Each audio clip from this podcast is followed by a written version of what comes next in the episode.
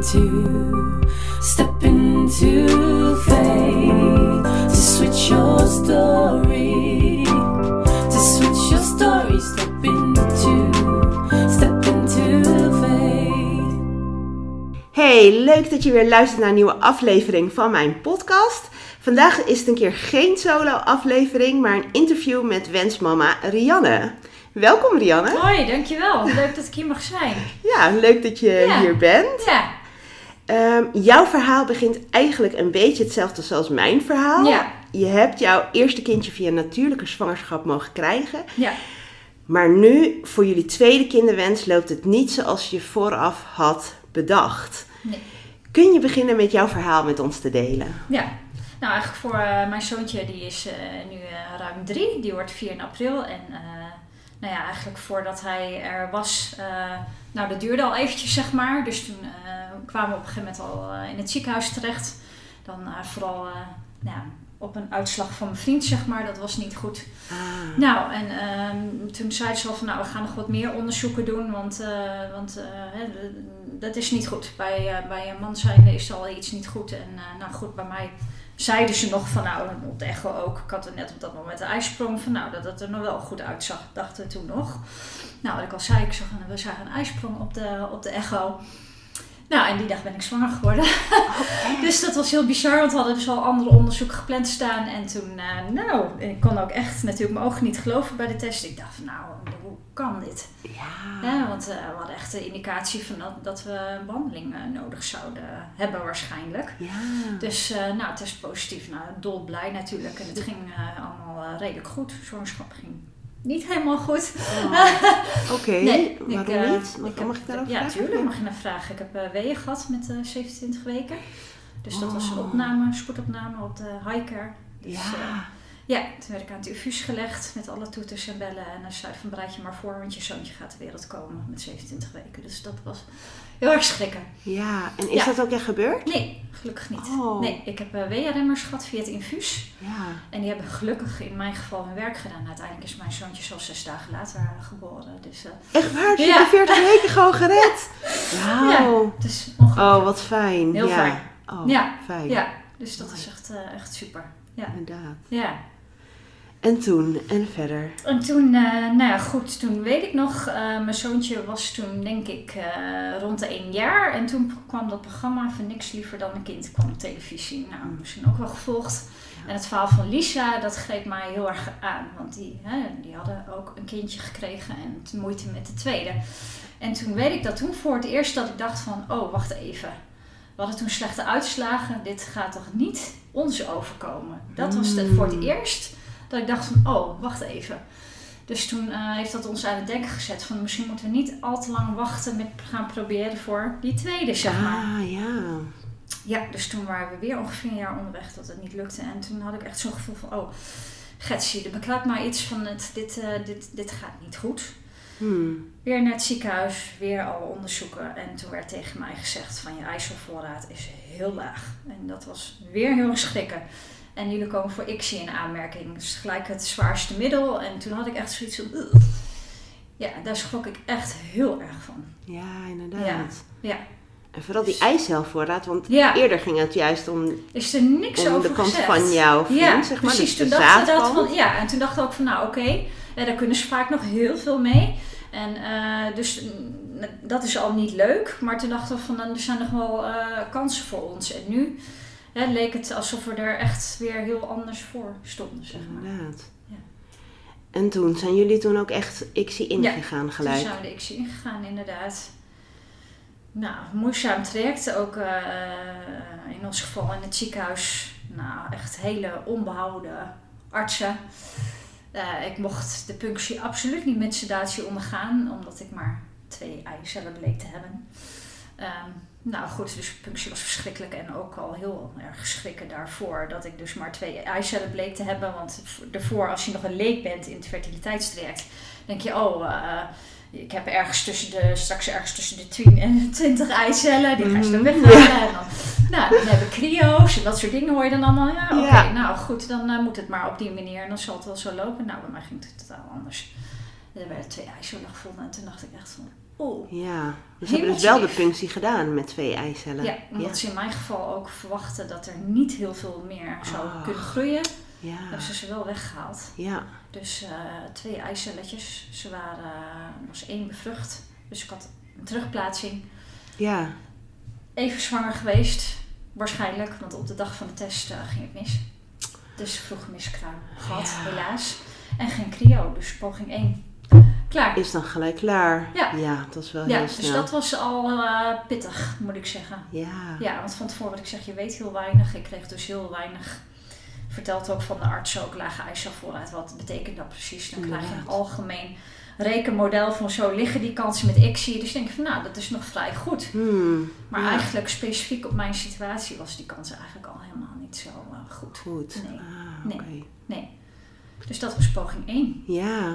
En vanwege de slechte ervaring eh, in Nederland en eh, het lezen over lage eicelvoorraad, eh, lage AMH, hè, we hebben wat mensen gesproken en toen zei ze van ja, dan, dan raad ik je aan om naar Duitsland te gaan, want dan doseren ze wat hoger.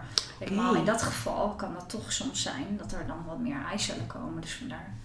Dus toen ben je de overstap gaan maken, wel naar Duitsland. Ja. Al gelijk de overstap eigenlijk Ja, naar het buitenland. Omdat ik dacht van je Ja. hebt niet veel pogingen eh, die je goed krijgt. En dacht ik van dan wil ik ook dat het goed voelt. En het gesprek, evaluatiegesprek met de arts hier in Nederland in het ziekenhuis. Nou, dat ging op zo'n manier dat ik mij niet goed voelde om daar nog een poging te gaan doen. Oh, Nee, ja. nee. Dus ik had zoiets van, ja, als die eiselvoorraad inderdaad zo laag is en we willen toch daar het beste uithalen ook uit die poging, dan, eh, dan gaan we toch nu al overstappen. Wat goed. Ja, goed dat je dan daarin je gevoel volgt. Ja, ja, ja, hebben we al door heel erg gedaan Ja. inderdaad. Ja. En hoe ging het dan toen in Duitsland? Want dan ja. heb je dus een traject in Duitsland. Je hebt ook nog een kindje thuis, een kleintje. Ja, Nog? Ja, dat is best eh, heftig. Hoe is dat voor Ja, dat is best geweest? heftig. Maar we hadden gelijk, eh, we hadden eerst een videoconsult met, met de arts daar in Duitsland. Een Nederlandse arts. Die werkte, was daar nog werkzaam. Nu was niet meer, nu weer in Nederland. Ja. Maar we hadden gelijk zoiets van zijn verhaal klonk gewoon heel plausibel. En ook eh, hoe hij het uitlegde, dat de hormonen die ik had gehad, eh, eh, waarom die niet zo heel goed aansloegen bijvoorbeeld, dacht ik van dit, dit is een goed verhaal. Hier kan ik wel mee, meebewegen. En ook de, het voorstel wat hij had om een ander schema te gaan doen, een andere opbouw, andere medicatie. En dus inderdaad ook wat, wat hoger doseren. Dat gaf mij, hè, dan krijg je weer het gevoel van hoop, Hoop, weer, zeg ja, maar, wat je, wat je eerst weer verloren bent natuurlijk. Ja. Dus vandaar dat we daar zoiets hadden van dit voelt goed en dat gaan Ja. doen. Was het echt een stuk hoger dan, de dosering in Duitsland, ten opzichte van wat eh, Ja, in Nederland doet? is hoger, ja, absoluut. Oh, ja. in Nederland uh, het helaas, werd mij verteld vanwege de verzekeraar zo dat er niet hoger gedoseerd wordt. En artsen hebben daar ook niet altijd zoveel vertrouwen in, maar in Duitsland ligt Nee. dat eh, anders. Ja. Ja. oké. Ja. Mag ik ook vragen hoeveel hoger? Want ik heb daar zelf natuurlijk helemaal geen ervaring mee. Ja, ik weet dus niet precies wat ik hier in Nederland heb gehad, maar volgens mij zat ik iets van eh 125 eenheden hoger. Zoiets. Oh ja, toch wel. Ja. Ja.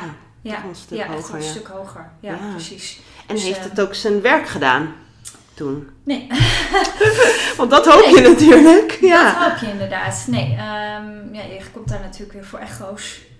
En toen eh, bleek er maar één eicel te zitten. Dus toen Wat teleurstellend. punctie. Dus poging afgebroken. Oh, geen punctie. Nee. Dat is niet gedaan. Oké. Nee, met eicel één eicel niet. En daar stond ik ook niet achter. Want ik had zoiets van, ja, dit, nou, daar, daar heb ik geen vertrouwen in, in, in die ene eicel. Dus Nee. toen is de poging afgebroken. Moest ik met de medicijnen stoppen. Heel veel last van gehad ook.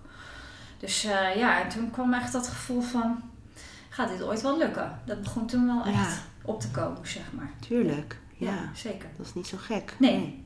Dus de arts zei tegen mij van, eh, eh, gelukkig die arts zei van, ik ben iemand die is, hè, ik ga jou geen valse hoop geven. Ik wil echt nu heel eerlijk zijn over Mm. hoe dit verder moet. En toen zei hij tegen mij van, ja, je, eh, je spreekt hier van de diagnose prematuur ovarieel falen op jouw leeftijd. Want Ja. dit is gewoon wel vrij dramatisch, zo'n lage eicelopbrengst. Ja. Dus hij zei van, eh, we kunnen twee dingen doen. Of het, eh, of het stopt nu en dan moet je inderdaad aan die, al aan die gaan denken.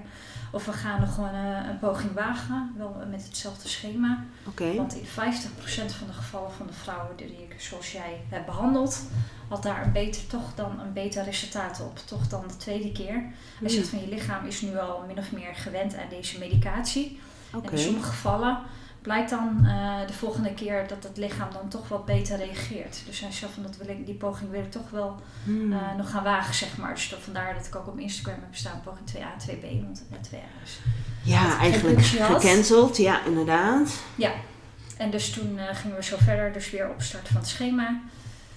Nou, en toen, ja, hij van, ja, je moet natuurlijk rekening mee houden de volgende keer dat het weer slecht nieuws kan zijn. Dus ik, nou, echt, ik had echt het lood in de, in de schoenen en dan rij je weer twee uur naar Duitsland. En eh, weer op de leuke, leuke stoel met de stijgbeugels. Ik denk van, eh, ik hou me vast, het kan nu echt afgelopen zijn. Het kan nu Ja. echt klaar zijn. Dus eh, daar waren we natuurlijk wel een beetje op voorbereid. En toen zegt hij van, ik zie drie eicellen. Ik denk, nou, oké, in elk geval weer wat, weet je wel. Natuurlijk, wist al dat ik niet veel zou hebben. Nee. Maar in mijn geval dat er in elk geval wat meer zaten dan één of twee. Dus zei van, Dat is drie goed nieuws. ja, hij zei Ja. van Rianne, dan gaan we wel die punctie doen. Want dit gaan we, dit gaan we niet eh, laten gaan. Ja. En ik, ik dacht ook bij mezelf, als ik dit nu niet doe, dan ga ik daar spijt van krijgen. Je wil gewoon het gevoel Hmm. hebben dat je het geprobeerd hebt, zeg Ja. maar. Dus, eh, nou, punctie gehad.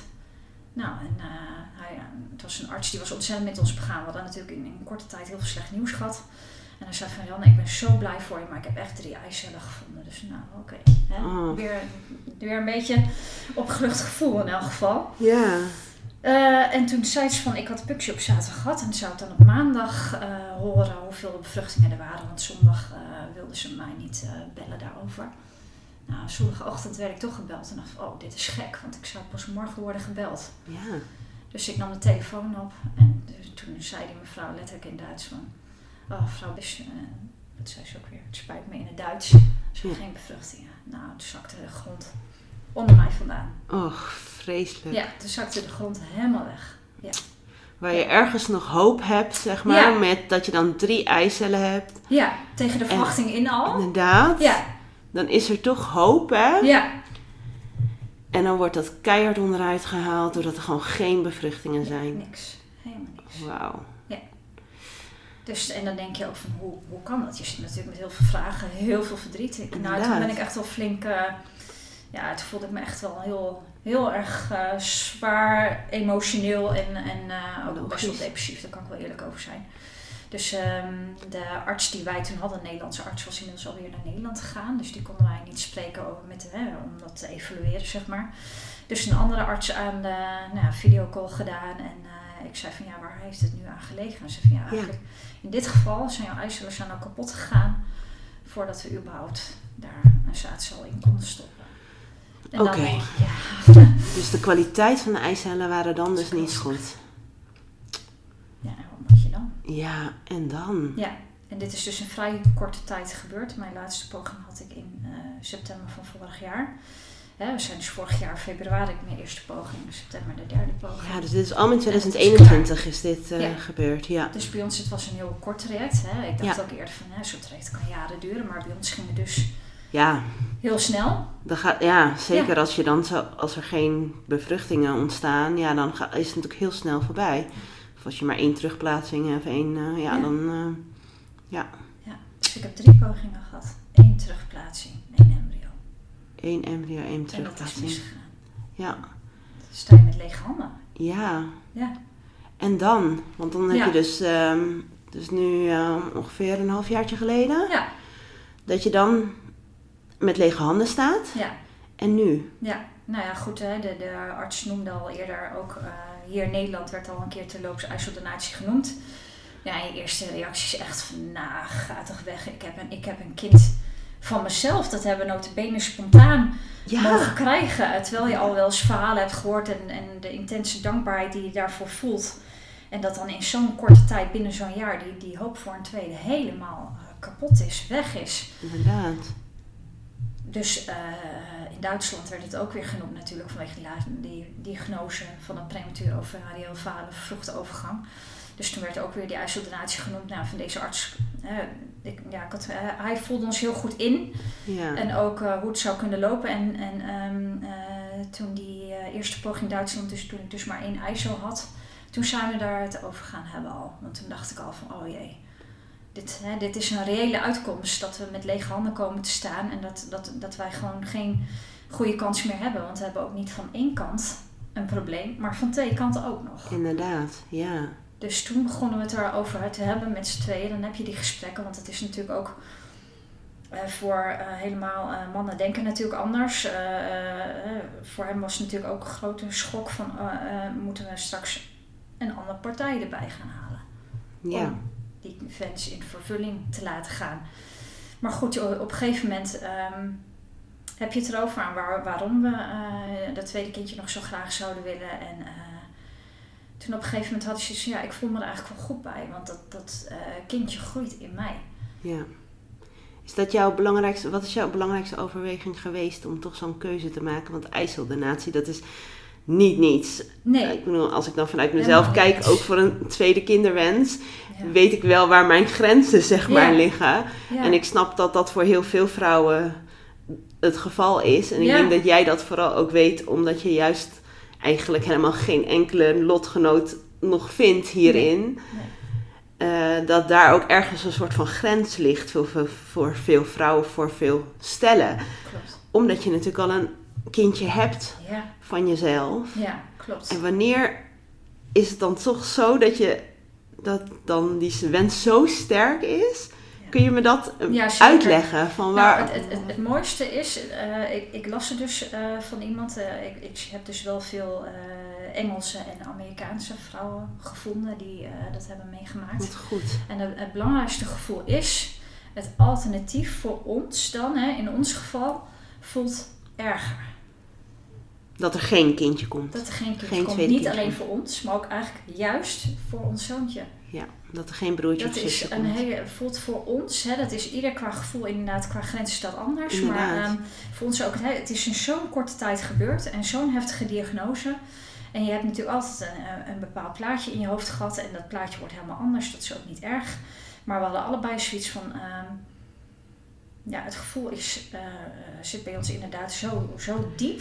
En we hebben ook het gevoel dat wij eh, dat aan kunnen samen, zeg maar. Hmm. En, ehm, mooi. eh, je hebt er ook het over scenario's eh, met één kind. Ik weet niet of je, eh, misschien hebben jullie die, die gesprekken ook al gehad, maar in ons geval hadden we ook gesprekken van ehm, eh, als we terugvangen op onze eigen gezin waar we uitkomen.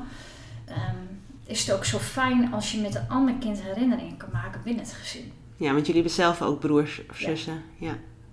En dat is iets waar je dan op terugvangt. En Ja, dat is dat- voor ons wel een heel emotioneel ding. De gedachte dat hij niet met een broertje of zusje eh, eigen herinneringen kan maken. Wij Ja. maken herinneringen met hem, ook heel veel. Extra nu ook. ja. Maar eh, die gedachte vonden wij heel moeilijk.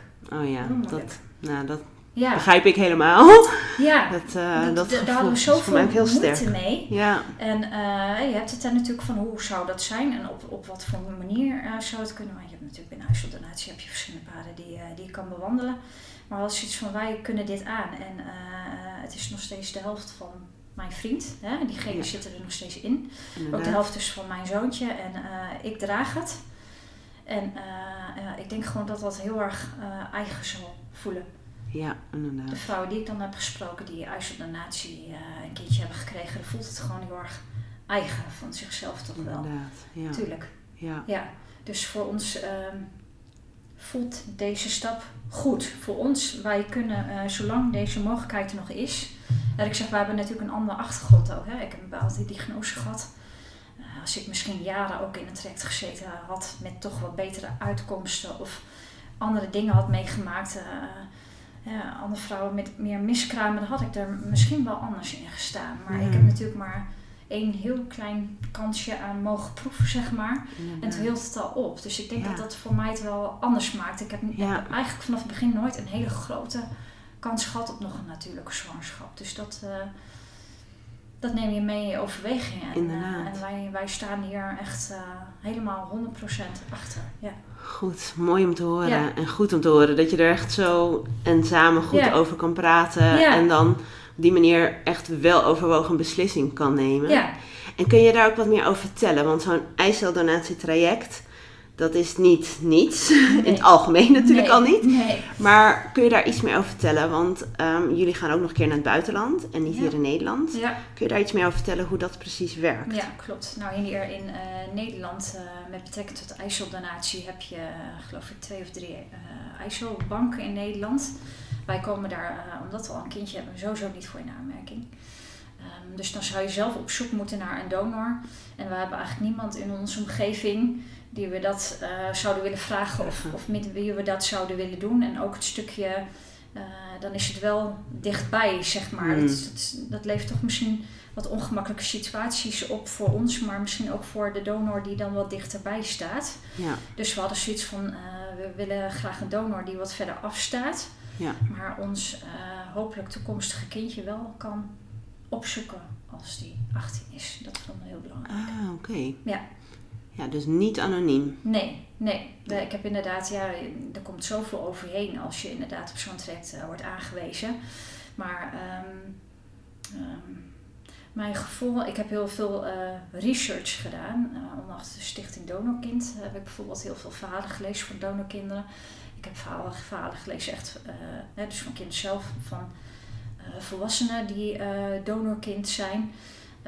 Ik heb verhalen gelezen inmiddels van, van mensen die zelf ouder zijn van een ijzeldonatiekind, maar zelf ook afkomstig zijn van een donor. Mm. Dus ik heb heel veel, ik heb allerlei, van allerlei kanten belicht verhalen gelezen. En toen hebben wij deze keuze gemaakt. Wij voelen ons daar goed bij.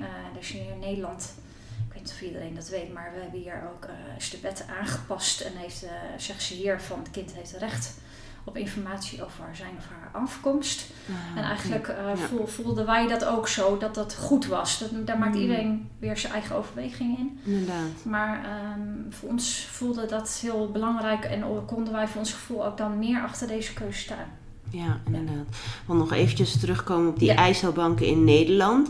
Jullie, maken, eh, jullie kunnen daar geen gebruik van maken, Nee. doordat er in, in Nederland het niet mogelijk is voor een tweede kindje, toch? Precies. Ja, Precies. Als je een eigen donor aanbrengt, inderdaad, eh, die je hebt kunnen vinden, dan wordt daar gewoon aan meegewerkt. Werkt, maar ja. eh, via de ijzeldonatiebank komen wij er sowieso niet aan. dus dat is alleen voor mensen die met een, voor een eerste kindje Eerste bezig kind. zijn. Ja, Ja. en dat snap ik ook heel goed, want er is een groot tekort en ik snap dat die vrouwen Ja. moesten gaan. Dat snap ik wel. Oké, ja. En dan de stap richting Portugal. Ja, want dan kom je er maar achter dat er eigenlijk niet heel veel landen zijn die werken met eh, niet-anonieme adoptie. Dus je komt dan, eh, we hebben daar iemand voor benaderd, die is nu ook onze contactpersoon voor de kliniek. Die zit hier in Nederland en die heeft eh, contact met verschillende klinieken. En die weet er ook heel veel vanaf, ook van het proces, dus we hebben haar heel veel kunnen vragen. En Goed. eh, het blijkt dus dat alleen in Finland, Portugal, Amerika wordt gewerkt met gekende donatie. Ah, Ja. Bijvoorbeeld volgens mij in Engeland is het ook mogelijk, maar mensen vanuit het buitenland worden daar niet voor geaccepteerd. Die, Nee. die komen daar niet binnen. Ja, Dus, ehm, nou goed, Finland eh, eh, is een heel stuk duurder. En dan, het is, zit een heel groot financieel plaatje ook aan, laat ik het zo zeggen. ja. Ehm, en eh, Portugal voelde ons, voelde ons wel goed, ook wat onze contactpersoon erover vertelde. En ik, zag, ik had inmiddels een aantal vrouwen gevonden die er ook heen gingen. Ja. Dus toen is het Portugal geworden. Ja. Ja. Ja. Oké. Ja. Dus, ehm, en wanneer is dat, ehm, welke periode is dat ongeveer geweest dat jullie dat echt hebben besloten met het woord echt Portugal? Is het dan eind Ehm, vorig jaar geweest? Ja, eigenlijk al, eh, omdat we het al voor, eh, over hadden gehad voor onze allerlaatste poging. Eh, Ja. Toen hebben we al papieren opgevraagd, zeg maar, gekeken al wat er nodig onderzoeken. was. Want ja, je kent het gevoel waarschijnlijk wel. Je voelt toch een soort van, ja, dat, dat, dat leeftijdsverschil dan. Hè? Dat is iets waar, waar, waar je Hmm. geen last van zou moeten hebben, maar toch voel je het op de achtergrond. Ja. En eh, dat je ook denkt van ja, zo'n proces helemaal met eh, een donor neemt best wel veel tijd in beslag. Dat hoorden we ook wel, dat maanden kon duren. En dan moet natuurlijk ook een donor aan je gematcht worden. De, hè, Inderdaad. dus je probeert daar, daar toch iemand te vinden die zoveel mogelijk op je lijkt. ja. Dus ehm, vandaar dat we al vrij snel, volgens mij in oktober, zijn we al eh, de boel in gang gaan zetten. Ja. Wauw. Ja. Dus nu ongeveer eh, drie, vier, vier maandjes ongeveer geleden. Ja. Ja, en nu? Wat is eh, Ja. nu de status van jullie traject? Nou ja, we hebben onze donor gevonden.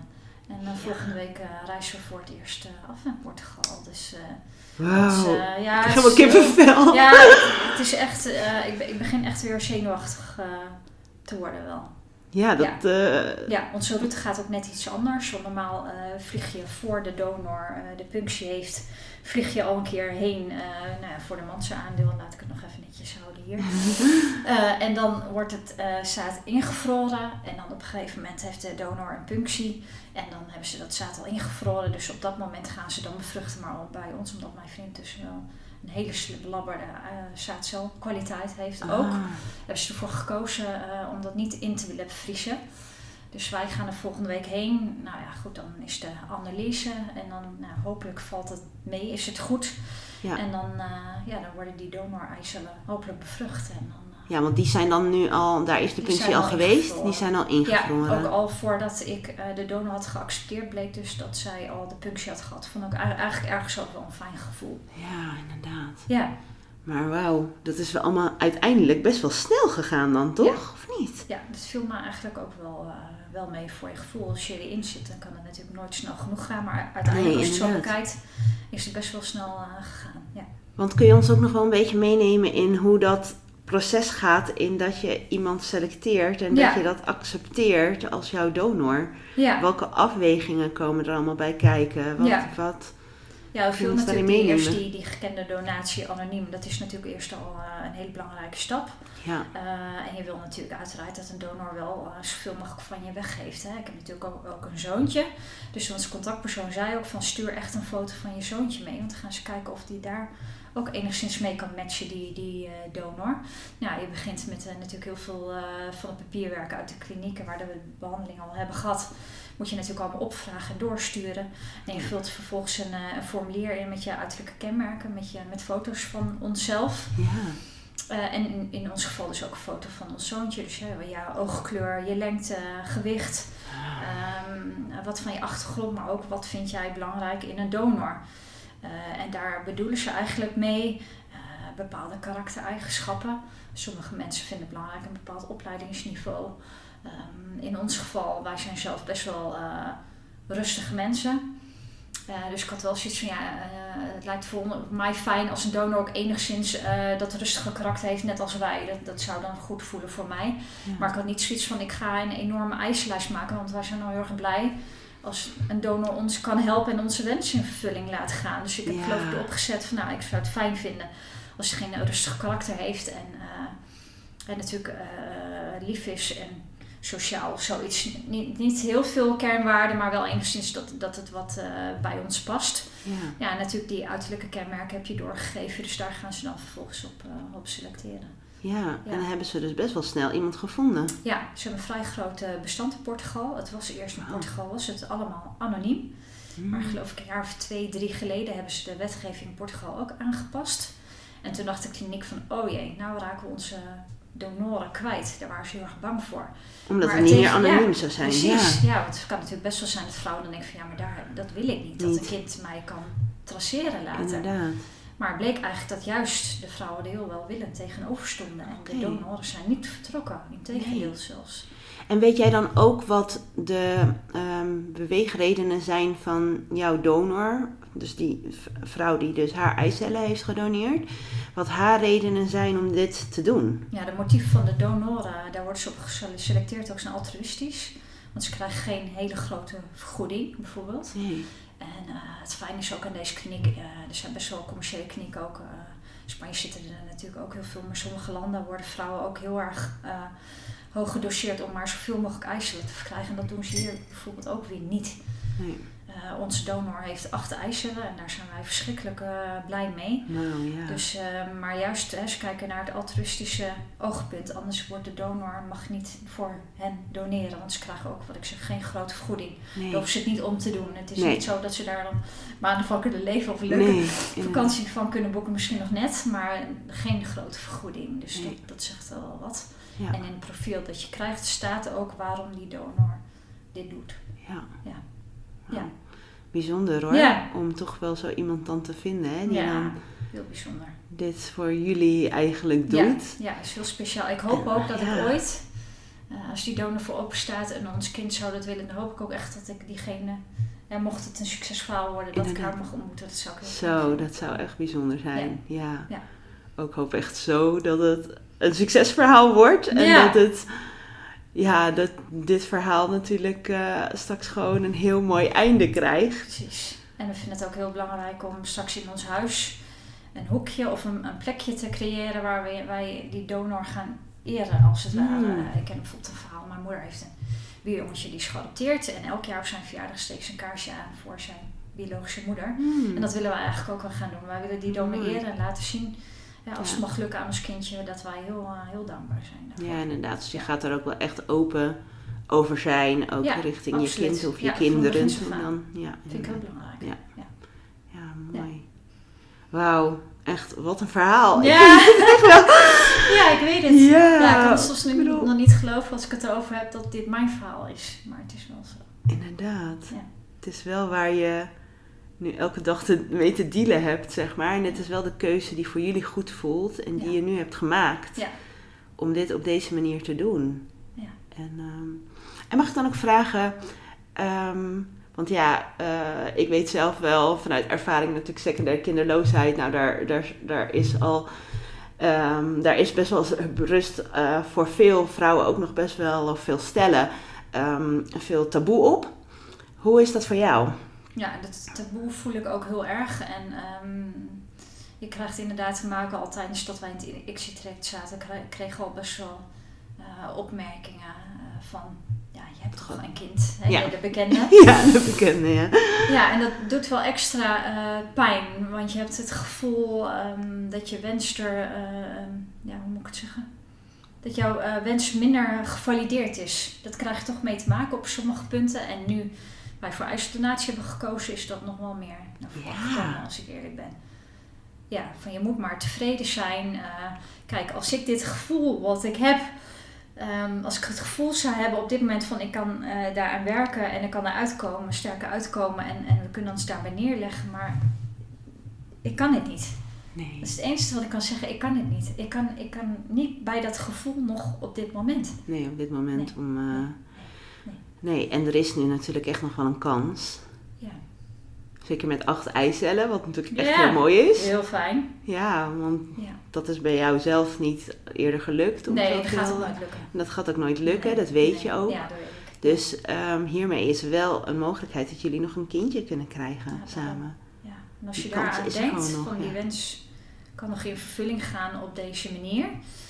Ja, dan, dan, dan voelt dat gewoon zo eh, fijn voor, en goed voor ons allebei. En wij denken ook dat wij, doordat we zo open willen zijn eh, tegen dit kindje, door het op deze manier te doen, eh, wat ik zeg, voor, voor, hebben wij het gevoel dat we er nog meer achter kunnen staan, Ja. zeg maar.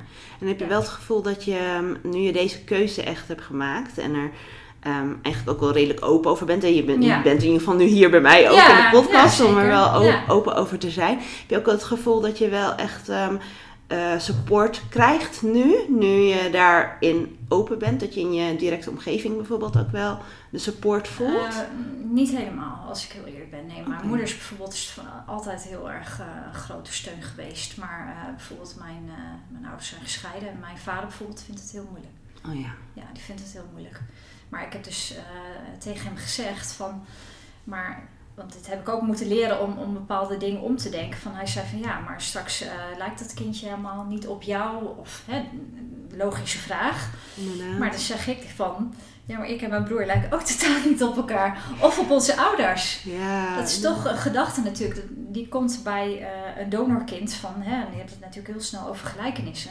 Ja. Maar als ik kijk naar mij en mijn broer en, en onze ouders, wij lijken ook helemaal niet op elkaar. Nee. Ik denk niet als, als het mocht lukken en ik dat met zo'n kindje loop, dat mensen denken van, oh, dat is een donorkind. Nee. Dat, is, dat is niet logisch. Nee. Maar dat heb ik zelf dus ook moeten leren, dat je heel veel dingen eh, om gaat denken. En, eh, Hmm. ik denk ook juist dat je eh, je eigen verhaal met zo'n kind creëert vanaf jonge leeftijd. Dat dat, eh, ja, het zal bij tijden nog steeds moeilijk zijn. Daar ben ik van overtuigd. Dat lees ik ook wel. Maar ik hoop door er open en eerlijk over te zijn en ruimte te geven ook voor de gevoelens van dat kindje, dat dat hopelijk eh, ja, zo goed zal komen. Ja. Ja. Nou, het klinkt in ieder geval alsof jullie daar eh, best wel goed op voorbereid zijn, doordat Ja, je er dus heel open ik. over Ja. wil zijn. ja. En ehm, we gaan er natuurlijk ook echt van uit dat het een succes wordt. Hè? Ik bedoel, eh, je staat nu aan het begin eh, van het traject. Ik hoop dat je mij, ons in ieder geval ook op de hoogte houdt. Ja, zeker. En, ehm, en wie weet dat we nog wel weer in de toekomst nog een keer een aflevering kunnen maken. Dat het hopelijk een succesverhaal is. Maar als ik je toch, mag, als ik je toch de vraag mag stellen. Want ehm, stel, hè, de- je legt deze best wel lange weg dan ook letterlijk naar Portugal zo meteen af. Hè? Je gaat dan eh, zo meteen terugplaatsingen. Hopelijk ehm, wordt dat natuurlijk een su- succes. Maar stel nou dat het jullie uiteindelijk toch niet gegund is. Hè? Dus je, hebt, eh, je hoopt natuurlijk dat er zoveel mogelijk embryo's uitkomen uit die acht eicellen. Je gaat die allemaal terugplaatsen. Waar ligt voor jou de grens, denk je? Heb je daar al iets... Is dat iets waar je al nu over nadenkt? Of Ja, komt dat niet in je op? Waar, waar ligt de grens? Ik, heb dus, eh, ik denk daar eigenlijk wel best wel veel over na, helemaal omdat eh, onze XC-traject natuurlijk, ik vooraf ook totaal andere verwachtingen had die, die eh, helemaal niet bleken uit te komen. En ik lees ook van vrouwen inderdaad die, die voor ijzeldonatie kiezen en als dan een terugplaatsing misgaat, dat het wel extra impact heeft, want je neemt al zo'n grote stap. Ja. En als dat dan misgaat, dat dat wel extra zwaar is. Dus ehm, eh, ik probeer eh, zeker daar ook aan te denken aan eh, wat er kan gebeuren als dit niet lukt. We hebben het er ook over gehad, want je hebt daar natuurlijk nog een stap na. Dan kom je op embryodonatie. Dus ook dat hebben we vast, wilde vast verkennen. Want je wil heel erg van elkaar weten van hoe, hoe staan we daar nou beide in. Inderdaad. Inderdaad ook. Je moet gewoon rekening houden met een ander scenario. Dus nou ja, mijn vriend heeft gezegd van embryodonatie is voor mij echt 100% een no-go. Oké. Dus dat gaan wij niet doen. Het Nee. is dit. En dan dus zullen wij daar zeker eh, in gaan, moeten gaan berusten. Ja, inderdaad. Oké, en ehm, ehm, dit is natuurlijk eigenlijk een soort van één poging hè, met die acht eicellen. Daar komen zoveel, zoveel embryo's zo meteen uit en die kan je zo meteen allemaal terugplaatsen. Tenminste, ik hoop dat het er mm, mm, zo meteen hopelijk eh, in ieder geval acht zijn, weet je. Dat, Ja. is, natuurlijk, dat is natuurlijk het eh, beste scenario wat je kan hebben. dat je er zo meteen acht kan terugplaatsen, maximaal. Hè, maar hopelijk heb je ze helemaal niet nodig en ben je bij de eerste gewoon al zwanger. Ehm, eh, maar zijn er ook mogelijkheden, ma- mag je dit vaker doen? Eh, zeg maar, mag je weer, kan je weer opnieuw met jouwzelfde donor nog een keer het, eh, het traject in na deze acht eicellen? Is dat Het hangt een beetje vanaf. De donor heeft wel een limiet aan het aantal keer dat een donor mag doneren. Ook Oké. omdat ze niet te veel kinderen willen die daar Nee, uit oh ja. voortkomt. Eigenlijk wel heel goed ook. Ja, hè? Het is een. Ja. Dus eh, volgens mij mag een donor drie of vier keer maximaal doneren. Dus het hangt er net vanaf of voor onze donor de hoeveelste keer dit zou zijn. En anders kom je inderdaad bij een andere donor terecht. Maar ja, verder, zolang je maar geld op de plank blijft liggen, blijft leggen, Ja, dan eh, gaan ze verder. ja, Ja, inderdaad. maar natuurlijk wel zullen ze wel op een gegeven moment denken van als, als het allemaal fout blijft gaan. Dus er zal ongetwijfeld dan weer een keer een moment zeggen, nou, komen dat zo'n arts zegt van ja, dit gaat niet werken. Nee, inderdaad. Dat Ja. kan. Ja. maar goed. Ja. Dus daarom gaat het begin. Dus ja. Inderdaad, nee. En ik ben ook Nee, vooral heel erg van ja. po- positief Ja, erin zeker, staan, weet je. ja. En er, Ja, ik bedoel, er is nu gewoon hoop Ja. en eh, er, er zijn kansen. ja. Dus dan ga je ook gewoon uit van het goede. En ehm, ja, ik denk dat iedereen die deze aflevering luistert ook alleen maar voor jou wenst dat, het, dat Ja. het goed mag gaan en dat het een succesverhaal wordt. Ja, Ja. en dat, dat gun ik je echt eh, met heel mijn hart. Ja, dankjewel. echt- dankjewel. Ja, dat waardeer ik echt. Het is gewoon fijn om het een keer over te hebben. En ik hoop gewoon dat andere vrouwen die, die dit meemaken met een tweede kinderwens, dat die eh, zich gehoord voelen. Ik zie jullie, ik voel jullie. En ehm, dat je weet dat er wel eh, mogelijkheden zijn. Al, al krijg je nog zoveel eh, geluiden vanuit je omgeving. Dat je Ja. vrede moet hebben met je kindje als het voor jou, jouzelf eh, niet goed voelt. En je wil deze, deze weg behandelen. Eh, ga ervoor. Dat zou ik, zou ik tegen deze vrouwen willen zeggen. Mooi, mooi dat je dat meegeeft. Ja. En mag ik dan nog als nou, een van de laatste vragen die ik wil stellen. ehm, wat doe jij om hierin mentaal sterk te blijven? Want dit is natuurlijk niet niets wat je in een hele korte periode hebt eh, moeten verwerken eigenlijk. Alle pijn en teleurstellingen. Ja. Wat, eh, wat doe jij hier ja, aan? ik ben zelf ook heel erg eh, bezig al langere tijd tijdens dit traject inderdaad met mindset. Heel belangrijk hoe je, hoe je je dag begint, hoe je erin eh, staat. En ik ben van nature ook gewoon een positief persoon. een hoopvol persoon. En Ja. Eh, ik moet wel zeggen, nadat X-Tract is mislukt, eh, nou, had ik het gewoon echt wel heel erg zwaar. En toen wist ik ook, ik moet hulp zoeken, want het ging gewoon niet goed. Ik, wilde, ik, eh, ik kwam mijn bed wel uit voor mijn zoontje, maar ik had, ik had het wel moeilijk. Ik zag alles wel heel somber in. Ja. Ehm, dus nou, ja, ik, ik, ik heb zelf eerder wel te maken gehad met depressie. Dus ik had zoiets van, ja, dit, het voelt niet goed. Ik ken de signalen. ja. Dus toen ben ik ook naar de huisarts gegaan. Ik zeg van, ik voel me niet goed. Ik heb in, in zoveel tegenslag gehad. Zo'n verwoestende diagnose om, om op je 36e met zo'n grote kinderwens in de vroegte overgang eh, te zitten. Weinig antwoorden, hè. je krijgt dingen meegedeeld, maar nazorg is er niet heel veel bij deze banden, heb ik zelf ervaren. Dus ehm, toen heb ik een verwijzing gevraagd naar een eh, psycholoog. Nou, toen kwam ook eh, die diagnose dat ik inderdaad depressie heb. En zou ik van, dat is niet heel gek. dus Nee. ja, dat, eh, dat is natuurlijk niet zo heel gek. Het toont natuurlijk aan iets wat heel, heel diep zit binnen eh, in jezelf. En eh, eh, natuurlijk, d- er was wel die mogelijkheid van ijsseldonatie, maar ehm, ehm, je weet gewoon, het is nu klaar. Ik kan geen kindje meer krijgen van mezelf. Zelf. En dat is wel iets heel, heel heftigs. Hè? Daar moet je wel op de een of andere manier mee dealen. Maar naarmate je meer naar die ijsseldonatie gaat groeien en het gevoel van we hebben, we hebben in elk geval nog een, eh, een kans. Ja. En wat jij ook noemt en waar, wat ik zelf ook echt dagelijks ruimte voor maak, is het gevoel dankbaarheid, dankbaarheid, Ja. Elke dag. Als ik naar mijn zoontje kijk, dan denk ik van hoe is het mogelijk Inderdaad. dat jij er mag zijn? Ja, dat Echt. is echt een wonder. hè? Ja.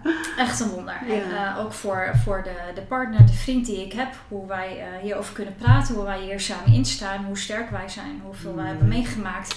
Als je dankbaarheid voelt elke dag, dan, eh, dan sterkt jou dat, wat jij ook zegt. En dan, dat draagt zo bij aan je mindset en hoe je verder kan. Ja. En dus, eh, volgens mij noemde ik dat, dat ook een keer tegen jou, gewoon vertrouwen op het pad wat, wat, wat voor je ligt. Inderdaad. Positieve mindset, altijd positief blijven. Dankbaarheid voelen, wat je ook eh, mag hebben in je leven. Ja. Mooi. Ja, Nou, ik denk dat we daar echt wel een beetje mee af kunnen sluiten, ja. toch? Ja lijkt mij ook. Of is er nog iets wat je nog wil delen? Of iets wat ik niet aan je gevraagd heb, waar je nog mee wil afsluiten? Ehm, nee, gewoon, eh, eh, ik ben blij, heel blij dat ik hier mijn verhaal mocht doen. En ik hoop dat vrouwen eh, die toch vragen hebben of, of misschien hierin zitten om, om in die overweging om huisdonatie te, te gaan doen. Weet je, mijn, mijn deur staat altijd open. Ja. Ik vind het heel fijn ook juist om met vrouwen deze gesprekken te hebben. En, Jullie weten het me te vinden op mijn, eh, mijn Instagram-account. Ik sta voor jullie klaar als jullie eh, wat willen weten of gewoon een keer ideeën willen sparren, gevoelens willen sparren. Ook Ja. omtrent secundaire kinderloosheid, waar inderdaad vind ik nog veel te veel, te veel taboe omheen hangt. Dan eh, ben ik daar voor jullie. Ja, Nou, goed om te weten. Ik zal jouw Instagram-account gewoon even in de Ja. show notes zeg maar, eh, Ja, delen. Zodat eh, als er vrouwen met jou willen connecten of eh, even via de DM misschien wel willen spreken, Ja. dan kunnen ze met jou contact leggen. Helemaal goed. Ja, en dan kan jullie op de hoogte. Nou, zeker. nou, heel erg bedankt voor je komst en voor je Graag tijd. gedaan, graag gedaan. Ja. Nou, en jullie bedankt voor het luisteren, lieve luisteraars. Ik hoop dat ehm, ja, deze aflevering jullie ook wat heeft gebracht. En ehm, dan eh, zou ik zeggen, tot de volgende aflevering. Leuk dat je hebt geluisterd naar deze aflevering van Amelia Stegwij Podcast. Wil je meer weten? Kijk op ameliastegwij.nl of volg mij op Instagram, Amelia Stegwij. Vind je dit een leuke podcast? Dan zou je mij natuurlijk enorm helpen door een review achter te laten, zodat mijn podcast beter gevonden wordt. En ik hopelijk nog meer mensen mag inspireren. Alvast heel erg bedankt en tot de volgende aflevering.